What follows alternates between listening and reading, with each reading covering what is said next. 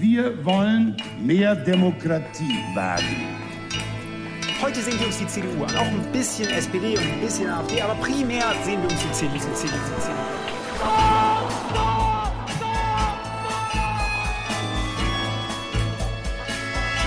Niemand hat die Absicht, eine Mauer zu errichten.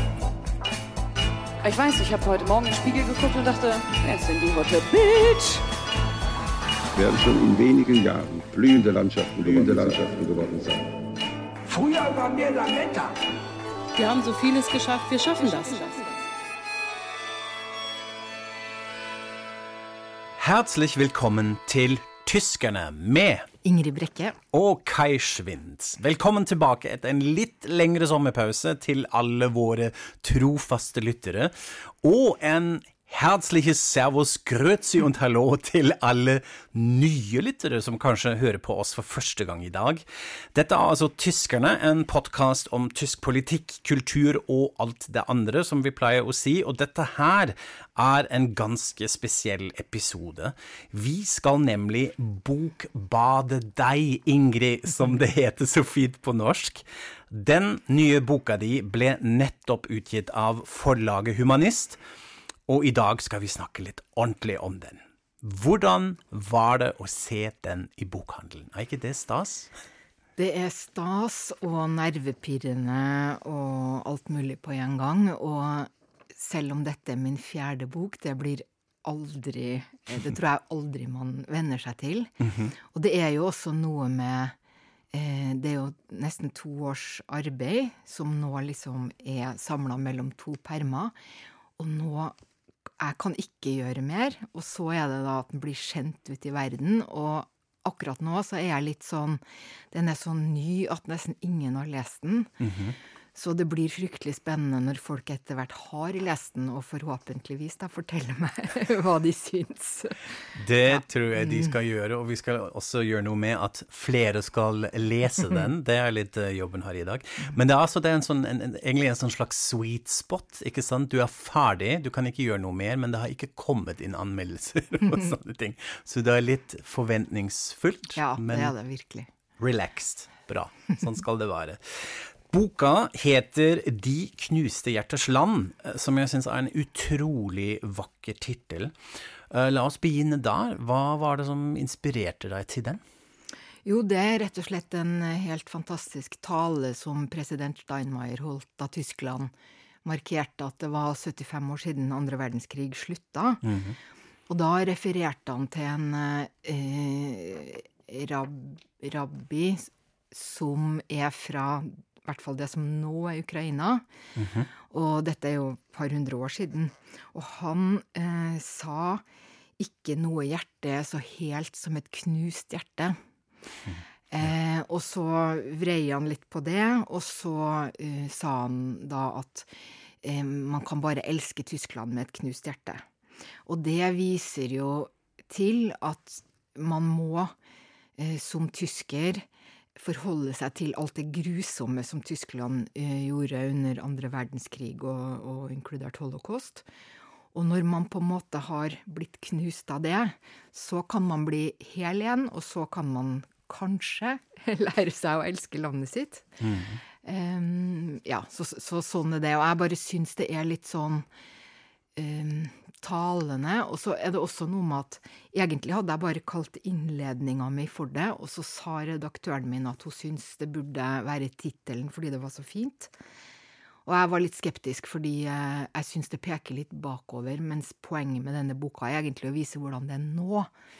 Men så var det sånn at jo mer jeg tenkte på det, jo bedre syns jeg egentlig det var, fordi det er litt sånn fristende, tror jeg, og, og veldig poetisk og vakkert, da. Så det, ja.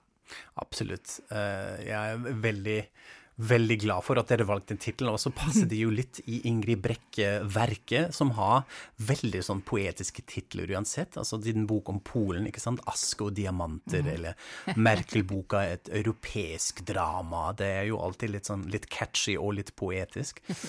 Og så det med at det er tilbakeovervant, eller vent, eller hva det heter, det er, jo, det er jo litt sånn i Tyskland. Uansett hva man prater om, så ser man jo litt tilbake. Og det går mange rundt med disse knus, knuste hjertene sine. Ja, ja. Så det er egentlig det, det treffer veldig godt.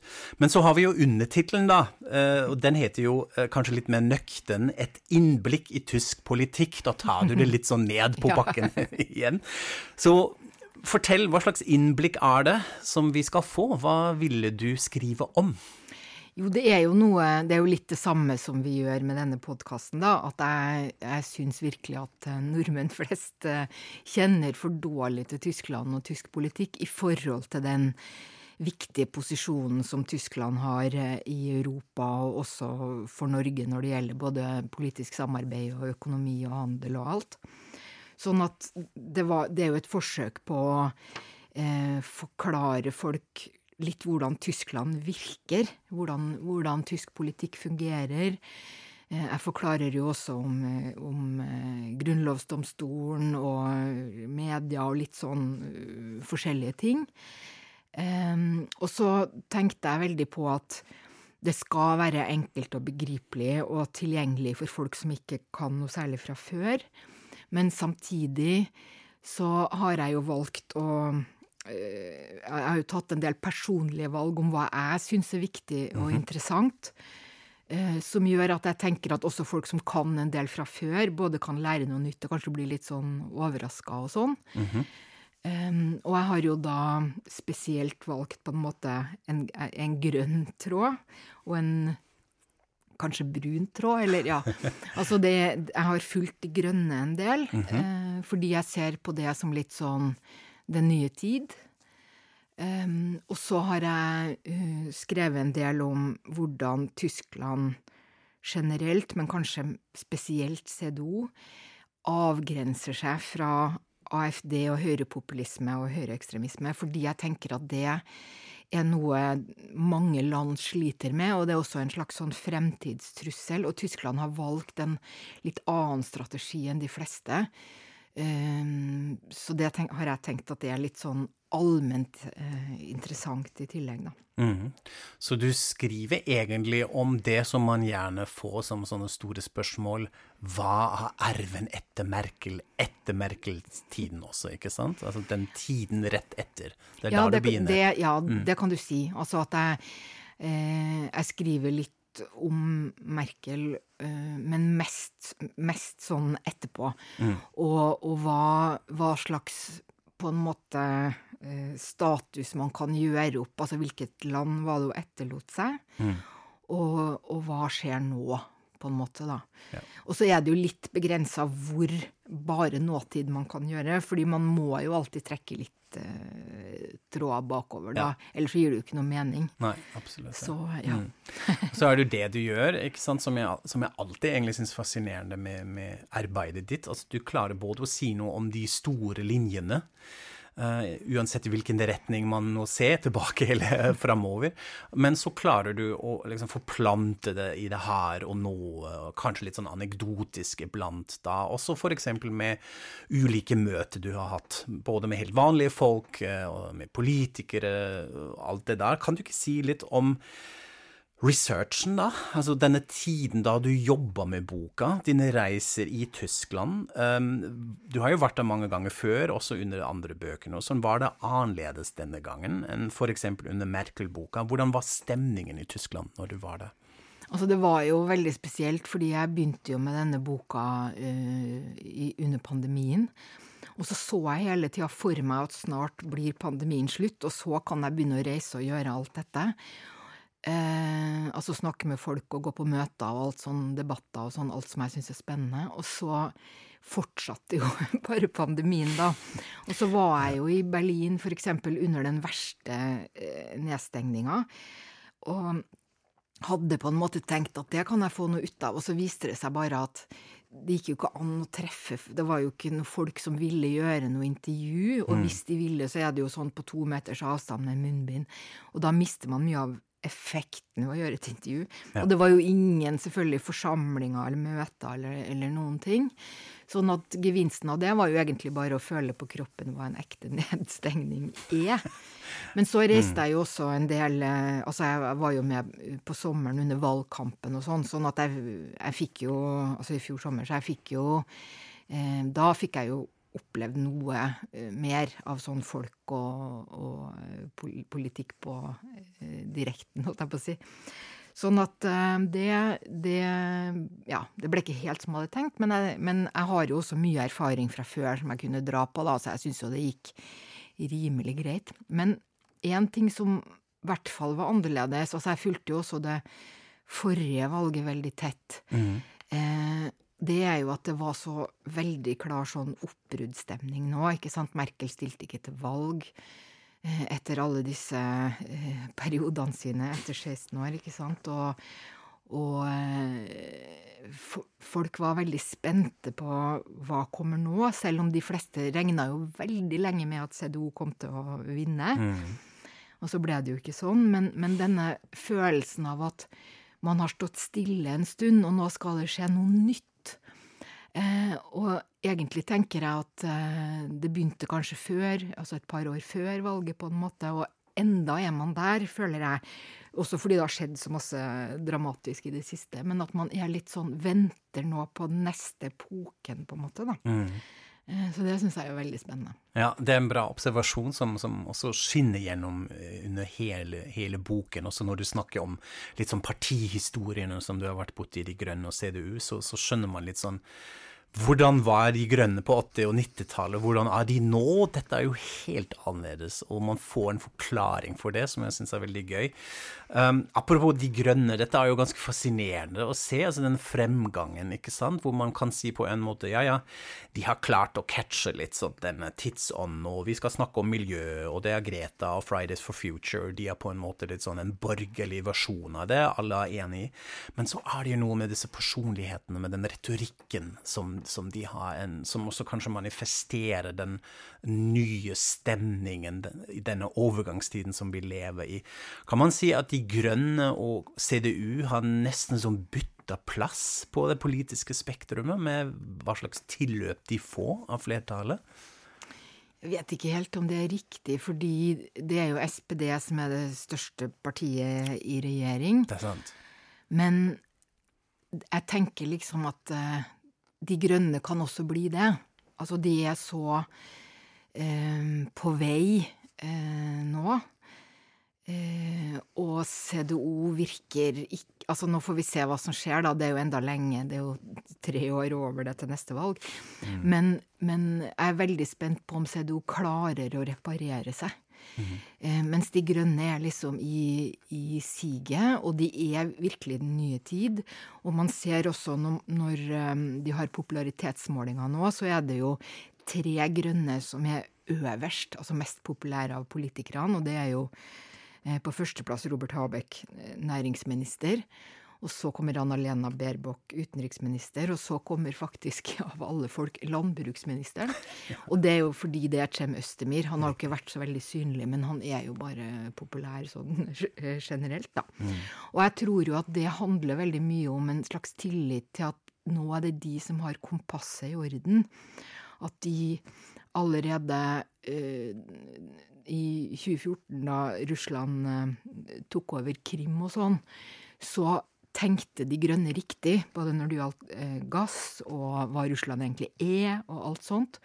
Og når alt dette har skjedd, så tror jeg at eh, veldig mange mennesker føler at det er det partiet som både skjønner best hva som foregår, er i stand til å ta konsekvensen av det og styrer i riktig retning, mens eh, SPD, både SPD og CDO har jo liksom andre posisjoner, også fordi de har sittet ved makta under hele denne oppbygginga av gassavhengigheten, og de har um, vært mye vagere uh, i Ja. forhold til Russland og, og sånn, sjøl om Det er jo ikke riktig å si at de har vært russlandsvennlige, akkurat, men, men de har ikke vært så klare, da. Altså, De Grønne har vært kjempeklare i forhold til sånn autoritære regimer og sånn. Ja. Ja. Og SPD sliter jo fortsatt litt med en sånn slags Russland-vennlig kurs, ikke sant, i kjølvannet av Willy Brandts sånn eh, åpning mot øst-politikk, og så Gerhard Schröder-connection, og så Sigmar Gabriel, som har vært veldig tett på sånn sett på Putin, og kanskje litt apologetisk, litt pragmatisk, en sånn rar blanding, og det fikk de litt tilbake nå. Ja, og at jeg tror det er at de er mye mer eh, i sprik. Altså, de, har, de har jo mange i sitt parti òg som er veldig klare, men så har de en del som ikke er så klare, og så blir det vanskelig for dem å samle seg, da. Mens De Grønne der, der tror jeg bare alle er med. Ja, det er riktig. Og det kan også være en forklaring hvorfor f.eks. ytre høyre med AFD ikke sant, har rett og slett ikke helt klart å sette agendaen med folk. Dette gjelder miljø og energi, og da har de ikke så mye å komme med. Og denne oppsvingen man opplevde under flyktningkrisen, hvor det var veldig innvandrerfokus og alt det der, som de klarte å um, tjene fra, det forsvant litt. Og de har, vi ser jo en slags nedgang, eller har sett det til nå, uh, med AFD. Så det er også en slags bevis på, den, på din hypotese da, med hvorfor de grønne er så langt oppe. Ja. Samtidig som det blir jo veldig spennende å se hva som skjer med AFD hvis denne vinteren blir veldig hard, og folk føler at de får fryktelig dårlig råd, og det ikke blir nok energi. Om, om eh, AFD tjener på det, eller om, som jeg også har litt tro på, da, at tyskerne er utrolig flinke til sånn kollektive løft, og til å dra i samme retning, og til å bare bli enige om at nå går vi for dette, nå skal, må alle bidra, liksom. Ja. Ehm, og at en god del av det som har skjedd i hele sommer, er jo at spesielt Habek, men egentlig hele regjeringa og en masse politikere har jo drevet og forberedt folket på Ja. det som kommer, sånn at, det, at de skal være i stand da, til å dra i samme retning når det virkelig gjelder. Ja. Og det, det er absolutt riktig, vil jeg si. Spesielt med Robert Habeck, som på en måte nailer denne politiske kommunikasjonen ut til befolkningen, den store forklareren, som man også kaller han. Han sier rett og slett vet dere hva, det kan dere bare glemme at det fungerer, vi må være forberedt at vi må innskrenke oss. Og her er det hvorfor, men her kan jeg også fortelle dere at det kommer til å gå bra. Så han har denne han, han klarer en slags tonalitet som appellerer til folket, vil jeg si. Uh, også med helt sånn pragmatiske sparetips. Dette syns jeg er en sånn forskjell også mellom Tyskland og Norge, at tyske toppolitikere tør å si eh, pass litt hvor ofte dere dusjer. Ta temperaturen litt ned uh, når det blir uh, kaldt nå, fordi vi tåler en del og sånn. Som selvfølgelig provoserer. Bruk vaskeklut. Bruk vaskeklut. Dette provoserer jo en del folk også. Men det er en annen retorikk enn man har, har i Norge. Jeg har ikke fått sånne sparetips av norske politikere, så vidt jeg kan huske. Så det er den kommunikasjonen, og den foregår jo i mediene til en stor del. Men det er jo, det, jeg syns jo det er fascinerende, ikke sant, at alt omtrent som man snakker om i Norge, er jo at individene får høy strømpris, og det må ned, ikke sant? Mens i Tyskland så snakker man jo om at på grunn av at det ikke er nok energi, så må alle bidra med å, å spare. Og at det er en slags kollektiv innsats. Ja. Det er ikke fordi Altså det er selvfølgelig også fordi man selv eh, må spare eh, egne utgifter, men det er også dette Vi har en begrensa mengde. Ja. Og sånn tenker man jo overhodet ikke i Norge. Så det syns jeg også er en, en spennende forskjell. Ja, det er, det er helt riktig. Også og ikke bare innenfor Tyskland en, en kollektiv bevissthet, men man tenker jo alltid EU og Europa Ja. og fellesskap og samarbeid og sånn, og dette er jo Uansett hva man nå mener om EU i Norge, men det er veldig sjelden en tankegang. Det bygges fortsatt en slags sånn oss mot dem, eh, og en sånn proteksjonisme som jeg også syns var faktisk litt eh, skremmende å høre i, i debatten om energipolitikk under Arendalsuka. Men dette er en liten digresjon. Det jeg egentlig skulle si, var eh, det som nesten en av mine favorittkapitler i boka di, er En vandring i medielandskapet. Fordi som du var inne på, så du forteller jo ikke bare noe om partiene og partihistorie og personalet, da, men også hvordan diskursen fungerer i Tyskland. Og da er medier utrolig viktig. Her forklarer du jo blant annet det føderale mediesystemet i Tyskland, som jeg tror mange nordmenn rett og slett ikke kjenner til. Man tror det fins en sånn NRK på tysk, ja, det er kanskje dette med ARD. Så har de en statskanal til, men at det føderale systemet som vi har politisk, også speiles i medielandskapet. Det vil si at vi har mange små i anførselstegn NRK-er i disse delstatene uh, som fungerer som store nasjonale kringkastere. Dette er jo en, en stor, uh, stor forskjell. Um, og så gjør du noe som jeg syns er, er, veldig morsomt i boka. Du har, uh, jeg har boka her. På førstesiden lister du opp innbyggertall til alle de delstatene. Veldig sånn nøktern, bare en tabell, og da ser man for eksempel ah ja, Bayern 12 millioner innbyggere. Nordrhein-Westfalen 17, over 17 millioner innbyggere. Så bare at Tyskland er sammensatt av, av land og en befolkning som er så mange ganger større enn Norge, må jo selvfølgelig speiles eh, eh i medielandskapet. Så det syns jeg var, var veldig kult. Og i tillegg ser du jo også nærmere på disse politiske talkshows som vi også har snakket om uh, mye her i, i podkasten. Sandra Meiersberger, Anne Will, Markus Lanz, din favoritt. Um, hvor veldig mye av den politiske samtalen foregår. ikke sant? Det er da politikere må grilles og forsvare seg og ha store samtaler. Hva har du lært av dette blikket på på medielandskapet, og hvordan den politiske kommunikasjonen foregår der? Altså Først må jeg bare si at uh, dette med hvordan offentlige eh, TV og radio er bygd opp, da. Mm -hmm. Det trodde jeg jo at jeg kjente fra før, men det er jo enda mer komplisert. Og det endte jo med at det er så komplisert at jeg ikke klarte å forklare det. Så jeg har bare tenkt, liksom brakt en grafikk som viser hvordan det er, for det er virkelig helt, noe helt for seg selv, altså. Mm. Men det var jo gøy å, endelig lære det, da, etter alle disse årene. Nei, ellers så må jeg jo bare si at uh, jeg har jo selvfølgelig lest uh, tyske aviser i, i veldig mange år. Og eh, det har alltid vært en, en, stor glede. Og en veldig stor forskjell til Norge er jo, hva skal man si, det store alvoret.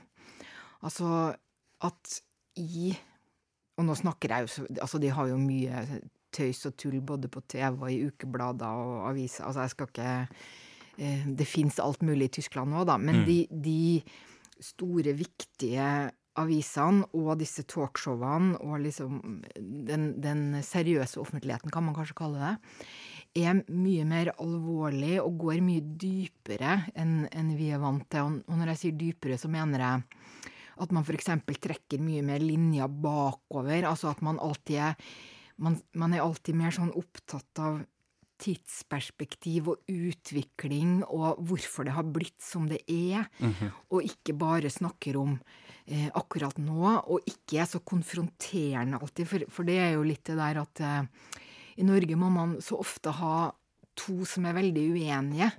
Og så skal man liksom stå og skrike til hverandre, eller noen skal vinne, eller noe. Mens i Tyskland er det jo mye mer at man på en måte, ja, driver en form for folkeopplysning eller, eller, forklarer mye mer, og at uenigheten ikke er så demonstrativ, selv om man selvfølgelig også der noen ganger flyr i, i ansiktet på hverandre når ja. det virkelig brenner, da. Og mm. det er jo spennende, det, altså. Mm. Men det er virkelig Ja, nei, jeg syns det er veldig annerledes. Og så er det jo også det som vi har snakka en del om, eh, at den politiske satiren f.eks. er mye mer utvikla, og at den fins overalt på en annen måte. Altså det er en veldig stor del av eh, f.eks. på TV eh, at det er liksom mange satireprogrammer. Ja. Mm. Og, og, eh, at de også kan gå veldig mye lenger, da. Og da tenkte jeg bare skulle dra fram eh, et eh, eksempel på satire eh, som jeg nettopp så, nemlig på Instagram, hvor jeg tror det var Høyteshow For dronning Elisabeth eh, døde jo, og da har de altså lagd et bilde av hundene, og så står det sånn Hundene til dronning Elisabeth lurer på om de blir levende begravd sammen med henne. Og det er jo sånn at man ler, men, men det er jo også veldig grotesk, og det tenker jeg det ingen hadde gjort det i Norge.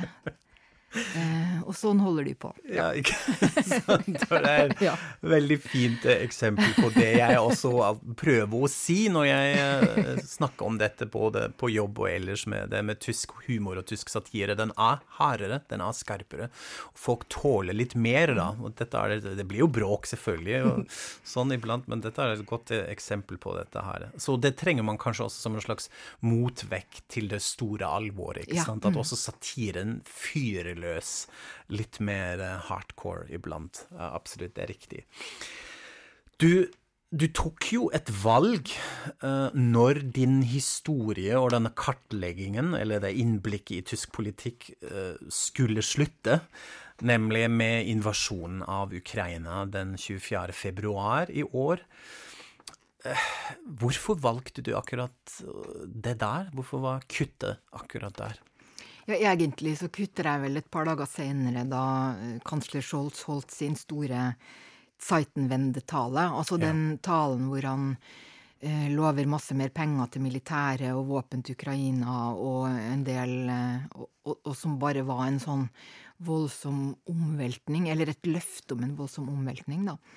Og det er jo et kjempedilemma når man skriver om aktuell politikk når man skal slutte. Og dette opplevde jeg jo også veldig under eh, Når jeg skrev Merkel-boka, så fulgte jeg jo liksom flyktningkrisen, og så visste jeg at boka skulle ut til høsten, så den måtte bli ferdig på våren. Og så er det jo mer sånn å bare håpe at det skjer noe som kan føles som et eller annet slags eh, sluttpunkt. Og da endte jeg jo med den Tyrkia-avtalen som sluttpunkt, og den gangen virka jo det eh, logisk og greit. Men når man leser tilbake i dag, så føles, føles jo ikke det som noe sånn historisk vendepunkt, akkurat.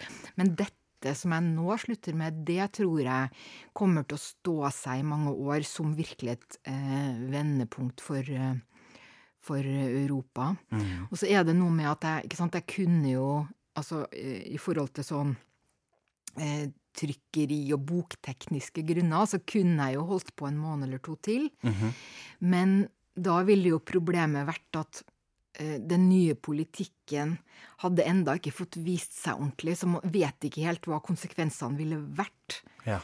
Eh, og det ser vi jo alle, enda, ikke sant, eh, et halvt år etterpå, at enda så er jo, eh, føles jo tysk politikk helt sånn i flyt i forhold til hva som kommer til å skje av alt det han lovte. Ja. Sånn at eh, hvis jeg skal si det selv, det føltes veldig fornuftig å stoppe i tide, da. Ja. Eh, Så sånn ble det. Ja, det, det gir jo mening. Og jeg kan tenke meg at det må være utrolig vanskelig også for en journalist som vanligvis jobber med dagsaktuell politikk, og skal finne disse små eksempler og prøve å veve de sammen, til å gå over til ja, disse store linjene og velge ut hva er det som jeg skal egentlig ta med, ikke sant? Hvilke eksempler eh, ble best? Hadde du et sånt system da, hva du skulle filtrere ut, hva som var en relevant anekdoter eller ikke? Ja, da er det jo veldig sånn at Man kan jo velge da, og tenke at man skal ha med bare mest mulig informasjon. Og sånn er det jo gjerne man skriver som journalist. ikke sant? At man prøver å gjøre det veldig kompakt. Mens når man skal skrive en bok, og det har jeg jo brukt eh, Det har jo vært noe av det vanskeligste for meg å gå fra journalistikk til å, til å skrive bøker. Det er jo at man må ha mye mer hvileskjær. Altså man må ha skildringer og, og litt Ja. som du sier, anekdoter og litt sånn luft imellom, for folk orker ikke å lese en hel bok som er sånn sammenpressa, da. Eh, sånn at da er det jo noe med at eh, man velger bort helt utrolig mye. Eh, og så er det jo som, som jeg nevnte, ikke sant, at jeg på forhånd hadde valgt meg ut to tråder som jeg skulle følge, de grønne og denne avgrensninga mot eh, ytre høyre. Og da ga det seg litt eh, av seg sjøl eh, utover. At jeg måtte bare følge det hele veien, og, og, og ikke la meg avlede, som jo er alltid en slags fristelse. At man Ja. begynner med noe, og så går det helt uh, uh, Så ender man i sånne blindgater og sånn. Men bare prøve å holde å holde fokus, da. Så det var jo sånn jeg, jeg tenkte, og det gjør jo også at uh, det er jo utrolig mye som ikke er med. Og for eksempel da, så har jeg jo ikke skrevet noe om helse- og sosialpolitikk. Og eh, det er jo kjempeviktig selvfølgelig i tysk debatt, men da har jeg tenkt at det som er mest interessant for lesere i Norge, det er jo de tingene som på en måte vi enten kjenner oss igjen i, eller som har konsekvenser eh, for oss. Ja. Uh, men, og da er det jo en gang sånn at helse- og sosialpolitikk det er jo veldig spesifikt innenriks og forskjellig i hvert enkelt land. Og det er også veldig komplekst. Mens eh, sånne saker som klima og, og eh, ytre høyre og, og sånne ting, det er jo internasjonale temaer som, som eh, Tyskland til dels har valgt å løse annerledes enn andre, og som derfor er eh, spennende da, for alle, også utenom landet, tenker jeg da. Mm. Absolutt, ja. Um, vi må jo på en måte snakke litt om det som skjedde etter boka di, anførselstegn, altså etter denne cut-offen du bestemte deg for. Fordi siden den tiden har tysk politikk jo blitt snudd fullstendig på hodet, kan man kanskje si. Hvordan vil du si har Tyskland takla Ukraina-konflikten, forholdet til Russland, eh, alt det da, både innenriks og utenriks, kanskje? Ja, nei, noe som jeg syns var Jeg må først bare si noe om eh, min egen eh, bok, fordi eh, da jeg skulle skrive etterordet, så eh, bladde jeg litt tilbake til min første bok for å se hvordan jeg liksom løste å skrive etterord. Og den kom jo i 2014, og da slutter jo også den med Ukraina. Ja. Fordi da hadde jo eh, Russland tatt Krim, og det var krig allerede. Eh, og at jeg skriver litt sånn hva, hva blir konsekvensen av det, og er litt sånn åpen. Og jeg tenker at eh, det er jo ikke Nå sier jeg ikke det for å liksom understreke hvor klok og forutseende jeg var, men fordi at da hadde jeg vært mye i det østlige Europa og hørt på eh, folk som eh, har peiling på internasjonal politikk og sånn der.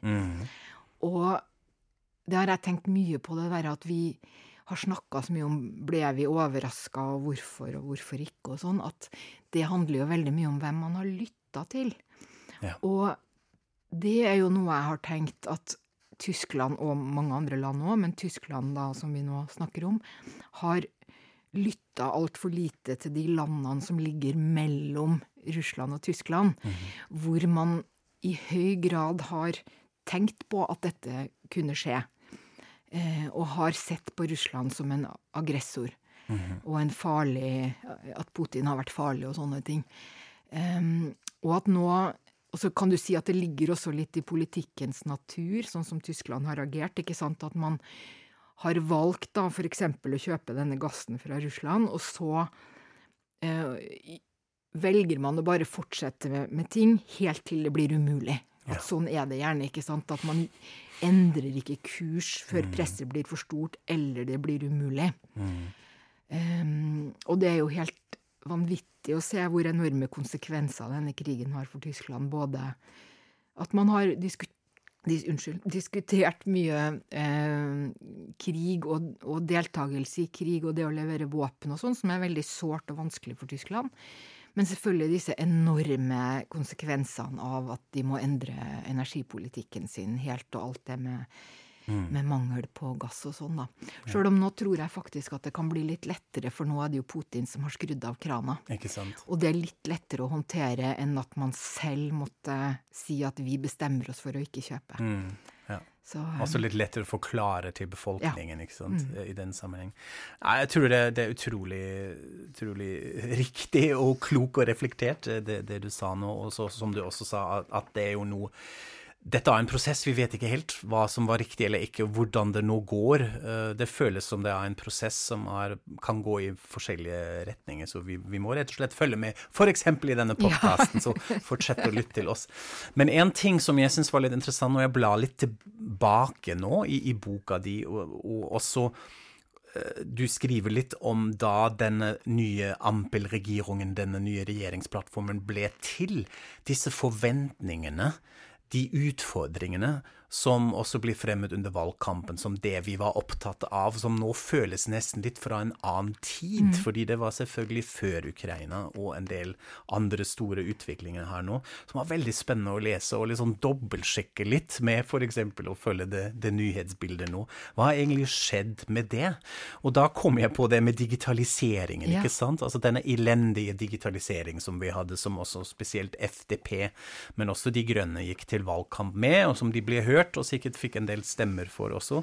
Her skal det en ny digitaliseringsstrategi på plass. Og så hørte jeg en ganske interessant kommentar av noen eh, journalister fra Deutschlandfunk om, om dette, som sa eh, dette her klarer man fortsatt ikke helt å jobbe med, selv om FDP, som stiller jo dette digitaliseringsdepartementet nå, med Folke Wissing som ansvarlig eh, eh, president, eh, eh, minister, eh, at de, de får det ikke på plass i det hele tatt, selv, selv om de har lov det. Og grunnen er eh, fortsatt føderalismen i Tyskland også. At Ja. på tvers av landet jobber alle litt sånn, holder på med sitt. Litt utbygging av infrastruktur, digitale. Litt her i Bayern, litt noe der. Nordrhein-Westfalen som utvikler en app som er ganske nyttig, men som de ikke klarer å sammenkjøre med resten av landet osv. Så, videre, og så, videre. så de konkluderer egentlig med det som man egentlig hadde trengt, og fortsatt trenger, er en føderalismereform. Ja. Hele landet må, må reformeres med denne Ja. delstatshierarkiet som vi fortsatt har. ja, og det handler vel kanskje også om sånn strømnett og Absolutt. sånne ting. Ja. Som også påvirker energi- og strømpolitikken.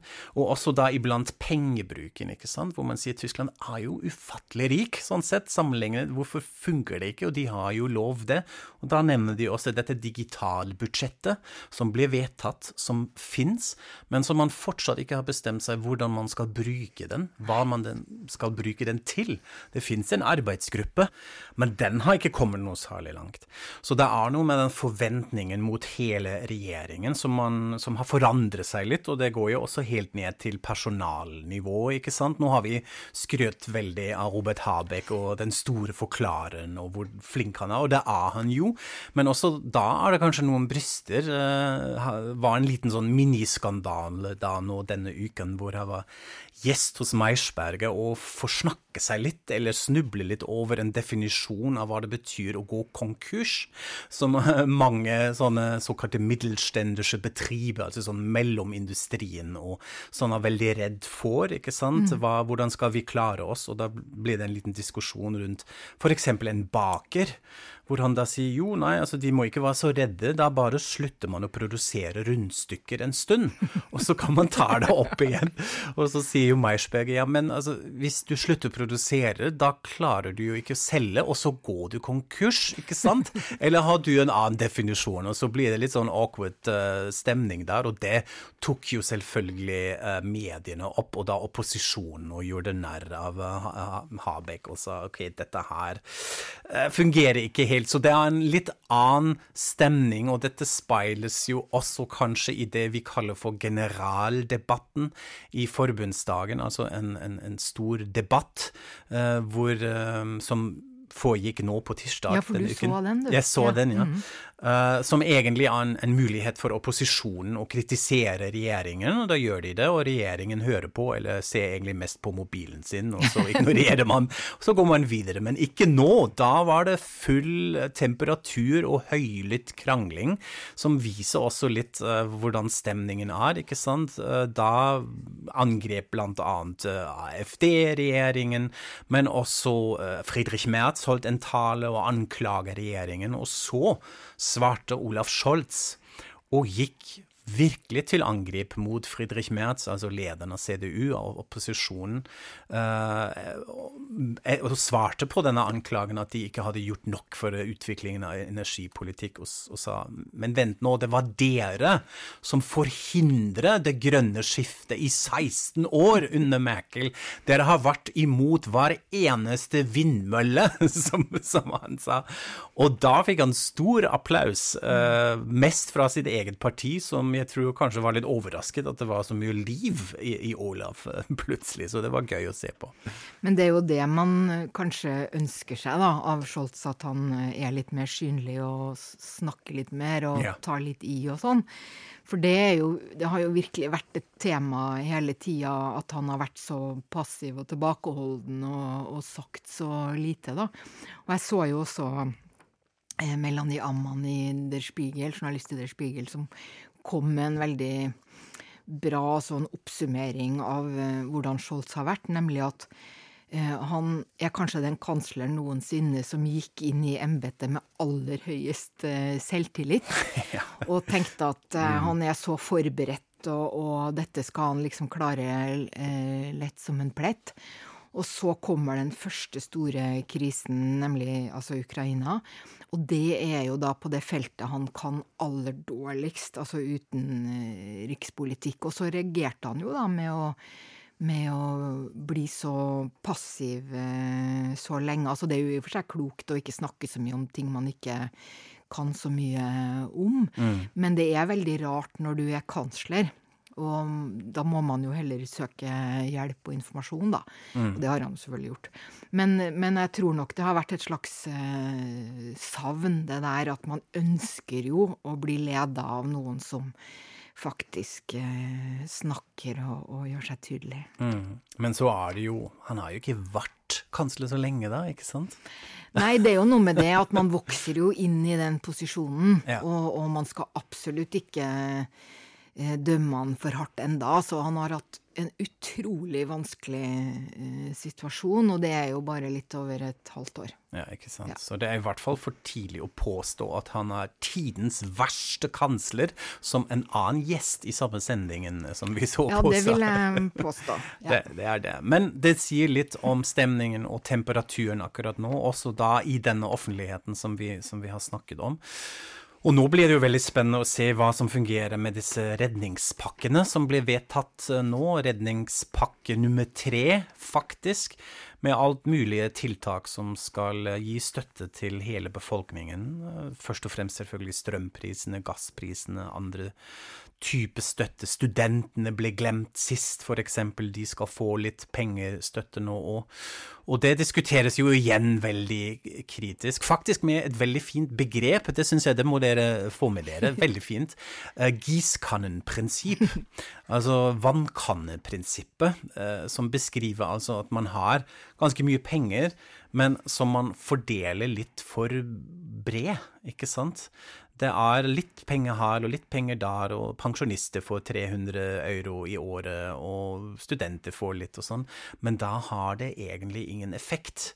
eh, Fordi det fører også til at mange som egentlig ikke trenger støtte, altså de som eh, har litt mer penger, også få det. Eh, Og så kunne man helst eh, heller brukt det på, en- på en annen måte. Så dette blir litt spennende å se hvorvidt disse redningspakker er nå faktisk er redningspakker. Ja, en kritikk har jo vært at enn hvis de heller hadde satt ned momsen på mat, ikke sant. Ja, Fordi nå mm. er det jo sånn at fordi prisene øker så mye, så får jo staten mye mer skatt inn også, og at man kunne benytte anledningen til å sørge for at maten ikke ble så mye dyrere, da. Men, men eh, et, en positiv eh, eh, kritikk man har eh, Heter det positiv kritikk? Noe positivt man har Ja, skryt, ja. Av, eh, av redningspakken har jo vært at den er ubyråkratisk. Ja. Altså at fordi man fordeler det jevnt utover i stedet for å drive og behovsprøve, mm. så trenger man i hvert fall ikke å, å lage et svært byråkrati og gjøre det treigt og vanskelig, som man jo vet at man kan gjøre. Eh, Så det har de jo i hvert fall fått eh, kred for, da. Ja, det er sant. Det var, det, av alle, Christian Lindne, finansministeren, som forklarte det litt. Vi må jo også faktisk ha ressurser og infrastrukturen på plass, og kjøre alle disse overføringene til åtte millioner pluss mennesker i landet, ikke sant? Eh, som da igjen er en utfordring. Så uten byråkrati klarer man seg aldri i Tyskland. Dette er alltid en utfordring, og sånn kommer det til å bli. Og vi følger med eh, hvordan det går videre. Men vi må komme litt tilbake til boka di, eh, Ingrid, ja, under, under landingen. Jeg er jo jeg må jo si jeg er jo kanskje litt biased her, men jeg vil altså absolutt anbefale alle til å lese Ingrids nye bok 'De knuste hjerters land et innblikk i tysk politikk'. Dette er en veldig opplysende analyse av hvordan det nåværende politiske landskapet ble til. Det har vi jo nettopp snakket om. Og så klarer du igjen det som alltid imponerer meg veldig, nemlig å forklare utrolig komplekse ting på en veldig enkel måte. Og det betyr eh, ikke at språket er enkelt, tvert imot. Du skriver veldig presis og med sånn glimt i øyet, og det syns jeg er veldig gøy. Rødme, rødme. Ja, og nå rødmer det veldig. Det er også litt sjarmerende å se. Men da, det må, da musst du durch, wie man auf Deutsch sagt. Så hvis man er interessert i tysk politikk eh, og Tyskland som den sentrale aktøren midt i Europa, så må man lese denne boken. Nå har jeg sagt det nok, syns jeg. Og nå runder vi av. Vi finnes også på Facebook og på Instagram, som mange av dere vet. Følg oss gjerne da, og send oss tilbakemeldinger. Og så kommer vi tilbake ganske snart, eh, og så også litt mer regelmessig. Etter det med vår nalesning av Tyskland. Er ikke det fint? Det skal vi gjøre. Ok, Og da sier vi takk for oss, og auf Wiederhören. Auf Wiederhören.